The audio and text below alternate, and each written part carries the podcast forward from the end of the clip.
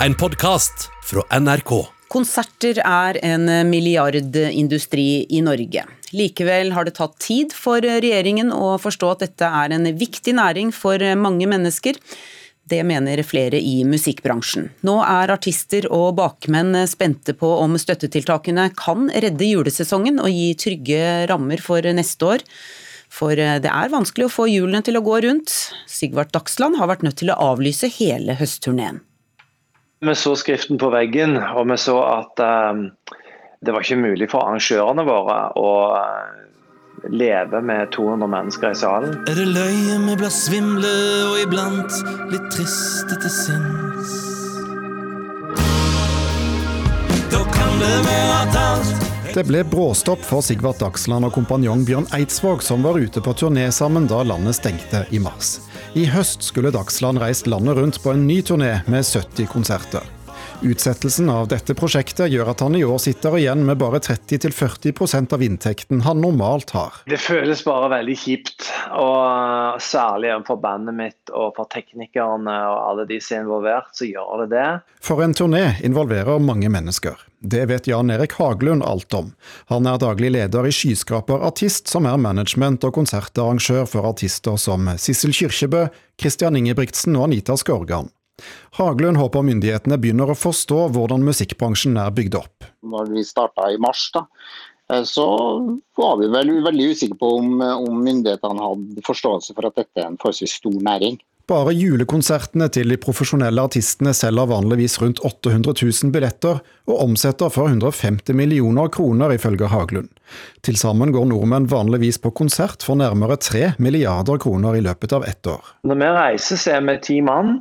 Og så er det 10-20 stykker på jobb i det lokalet vi kommer til. Og så er det folk som leverer eh, catering. Det er hoteller som tar imot de folkene som kommer til konsertene våre. Og det er eh, en ganske stor, store ringvirkninger på restauranter og sceneteknisk og alt dette her. Så det er en svær, svær eh, gjeng som er i aktivitet for å få til én konsert. I Oslo Spektrum har det vært helt stille siden mars. Men til jul inviterer Kurt Nilsen inn i salen som har plass til 11 000. Himmel på jord, når du så stor Oslo Spektrum-direktør Per Ole Moens største ønske er å kunne slippe flere inn enn 200. Han har en plan for hvordan det kan gjøres forsvarlig, dersom myndighetene tillater det. Men nå er han spent på hva Kulturdepartementets nye støtteordning vil bety. Vi er veldig glad for at det legges opp til en sånn stimuleringspakke for at man kan få litt aktivitet igjen. Samtidig så er det jo viktig at den stimuleringspakka utformes sånn at den blir treffsikker, da, og ikke kun er gunstig for noen, noen få i bransjen. Vi er helt avhengig av å kunne få noe støtte. og Da snakker vi ikke om lønnsomhet, eller snakker vi om å få det til å gå rundt. Altså. Og reporter det var eh, Thomas Alvarstein Ove. Kulturkommentator Agnes Moxnes, god morgen. God morgen. Tok det litt lang tid før Kulturdepartementet tok inn over seg hvor stor eh, kulturnæringen er? Vi ser at det egentlig ble ganske godt synliggjort denne våren her. For mens altså, eh, mens idretten kom liksom på banen bare noen dager etter 12.3, eh, med krav og ikke minst synliggjøring av, av idrettens betydning, så snublet egentlig hele Kultur-Norge seg inn i den samme krisen. Og det enda det var også den gangen, allerede den gangen, fullt mulig å se hvor dramatisk eh, koronakrisen kom til å bli for kulturnæringen. Hvorfor er det slik? Hvorfor er forskjellen så stor på idrett og kultur? Nei, Jeg tror eh, egentlig at eh, det, det, skyldes mye at Kulturdepartementet og Kulturrådet sitter og har liksom full kontroll på det kulturlivet som får støtte fra det offentlige. Men de kunne egentlig sørgelig lite om denne kommersielle delen av, av kulturen. Og dermed så kom næringen skjevt ut fra hoppkanten, rett og slett. Vi hørte noen eksempler fra musikkbransjen her. Hva slags bransje snakker vi om egentlig? Vi snakker om en bransje i vekst. Eh, det har vært en voldsom profesjonalisering og eh, bransje, og veldig oppegående bransje vi har sett de siste årene. Eh, smått og stort av konserter landet rundt. Og de sysselsetter vel 10 000 mennesker, og vi snakker om en omsetning her på, på 12 milliarder kroner. Og Vi hørte jo Sigvart Dagsland her beskrive ikke bare at uh, disse to artistene er på scenen, men det er bandet, og så er det uh, vakter, og så er det catering, og så er det, det er en kjempestore uh, organisasjon rundt artistene også. Mm. Det er jo det altså Han synliggjorde jo det veldig, veldig tydelig her. At Eh, at, dette her er en bransje Det er ikke bare en artist som står på en scene, det er et, en stor, stor aktivitet rundt. Og det er jo det veldig mange frykter nå, at uh, flinke folk uh, kommer til å forsvinne, altså rett og slett finne seg noe annet å gjøre fordi det er umulig å tjene penger. Mm.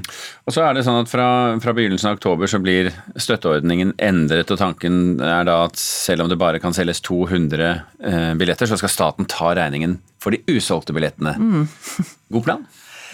Ja, altså denne stimuleringsplanen altså Vi hørte jo om Mulan, den store nye Disney-filmen her i, i, i, Nyhetsmorgen tidligere i dag. Den skulle jo ut på kino i vår, eh, og så stengte jo alle kinoene. Umulig å tjene penger for en, en film som har kostet veldig veldig mye å, å, produsere. Og hva gjør de? Jo, nå legger de det også ut på sin egen eh, kanal, Disney pluss. Og i tillegg, som, altså, da må du betale strømmeavgift for å komme inn for å se den. Og i tillegg så må du betale altså 250 kroner eh, for en slags sånn digital inngangsbillett.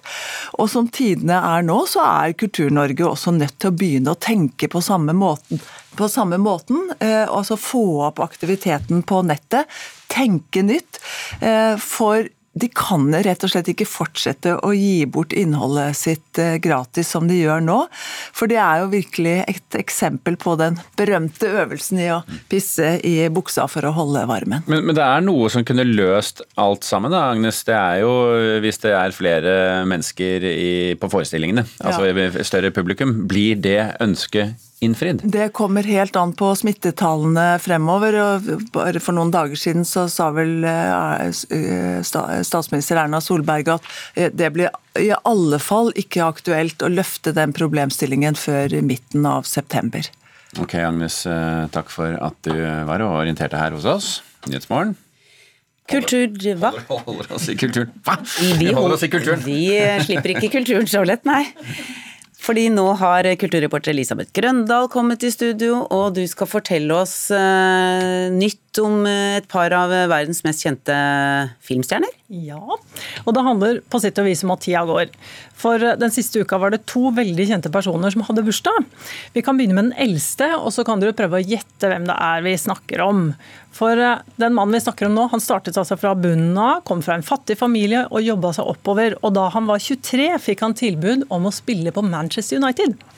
Ja, Sa han ja eller nei, eller? Nei, Han sa faktisk nei, for han skjønte at en sånn karriere ville være så kort at det ville kanskje være slutten når han bare var 30. Eh, det er Danmarks Radio som skriver om dette her. Så han satset heller på filmbransjen og gjorde det veldig bra. Spilte mange kjempestore filmer, mye action, kåra til verdens mest sexy mann flere ganger. Og så, når han begynte å dra på åra, så fikk han tilbud om å spille Gandalf i Ringenes herre-filmene. Det sa han kanskje ja til, eller? Eh, burde han kanskje ha gjort, men nei, han sa nei. I ettertid har han sagt at han ikke skjønte noe som helst av historien, verken før eller etter at filmene ble laget. Og det spesielle er at filmselskapet var så gira på å få han at, han, at de ga han et tilbud om 6 millioner dollar per film pluss 15 av eh, overskuddet av billettinntektene. Og i 2012 så beregna de hva det ville blitt, og da ville han altså tjent 450 millioner dollar, eller over 3 milliarder kroner på sida. Men han hadde kanskje nok penger fra før, det var kanskje derfor han sa nei. Men kan du gjette hvem det er? nei, hvem er det? Kom igjen, da. Dette er jo en av de største. Vi snakker om Sean Connery. Mannen som spilte James Bond år etter år i de store filmene fra skikkelig gamle dager. Og hvor gammel tror dere at han er? Det må vel være over 80 i hvert fall? Helt klart over 80. Han fylte altså 90 nå for noen dager siden. Og så er det en stjerne til med rundt år, og som viser at tiden går, og det er den lille gutten med hovedrollen i Alene hjemme-filmene. Hvor gammel tror du han er blitt? Nei, Han er jo bare en liten gutt da, i mitt hode, men han har vel vokst. Litt stor gutt, han har blitt 40. Eh, og da skjønner vi at tida går. Macauley Macaulay Culkin har jo levd et litt absurd liv etter at han ble stjerne som tiåring. Karrieren var intens fram til han var 14, men da stupte den. Og i et intervju så har han sagt at det var noe av det beste som kunne skje. For da fikk han et eh, normalt liv som tenåring, så normalt som det går an når du er så kjent. Så har ryktene gått om stoffmisbruk og at han er skadet av det veldig spesielle livet han har levd. Men i et intervju med Esquire tidligere i år sier han at han er fullstendig normal, og kanskje kan det ligge an til et nytt eh, comeback for 40-åringen. For han har fått en av hovedrollene i den tiende sesongen av American Horror Story. Eh, som er kjent for sine veldig gode skuespillerprestasjoner, får priser og greier. Og den skal etter planen på lufta om ett år. Ja. To bursdager sånn nylig. Takk skal du ha, Elisabeth Grøndal. Og apropos eh, gode skuespillerprestasjoner. Denne høsten så eh, reiser Riksteatret land og strand rundt med Per Gynt på jul for, mot, scene, mot, kulturhus over hele landet, og i går var det turnépremiere i Hamar med Anders Bosmo i tittelrollen, og her skal du få en liten smakebit. Vil du danse med meg? Er du på fest, så er du vel tørst? Hæ? Nei takk, jeg tror jeg vil danse først. Lys som ei sol. Jeg skulle sett. Var visst den gutten som ville danse? Ja, meg kan ikke ja, Etter at Riksteatret brått måtte stanse alle turneer, så er de altså i gang igjen. Eh, eh, det var Anders Bosmo du hørte her, Per selvfølgelig, Giske Narman som eh, Solveig, Karen Frøsland Nystøl, teaterkritiker her i NRK. Nå var ikke du på Hamar, men du var og så Oslo-premieren tidligere i uken. Skal vi gå rett på dommen med en gang? Ja, dette er ei sjelden god oppsetning, vil jeg si. Det er rett og slett ei forestilling som eh, folk land og strand rundt bør prøve å få med seg, for dette er en kjempefin pageant. Hvem er det som gjør den så god? Ja, Det er kanskje tre grep jeg ser for meg at eh, regissør Ole Anders Tandberg har gjort for å, for å, løfte dette, for å gjøre det så fint. Og Det ene er starten av forestillinga. Der har han henta opp noe som skjer helt på slutten, egentlig, i Per Gynt. Eh, naturen, Scenene med nøstene kalles det. Naturen virvler seg opp mot Per Gynt og anklager han for alt som aldri blei noe av. Eh, naturen sier 'vi er sanger du skulle sunget oss', vi er tanker du skulle tenkt oss, tårer du skulle grått oss. Eh, men naturen, de som framfører disse replikkene helt i starten av stykket, er mennesket i Per Gynt sitt liv. Og da, altså Folk som han svikter underveis, og da blir det veldig tett på, veldig nært, veldig lett å kjenne seg igjen i, for vi har jo alle tanker vi skulle ha tenkt, og sanger vi skulle ha sunget. Det er det ene. Det andre er at det hele foregår på Per sitt kjøkken. Eller da i Per sitt hode. Det er lettere å se for seg at det skjer inni, inni hodet hans. Og det er helt naturlig at eh, Dovregubb og knappestøpere kommer ut av skuff og skap og steikeovner inn i Per Gynt sitt kjøkken. Og det er veldig klart allerede fra starten av at disse karakterene representerer noe. Så det, jeg syns det er så smart gjort.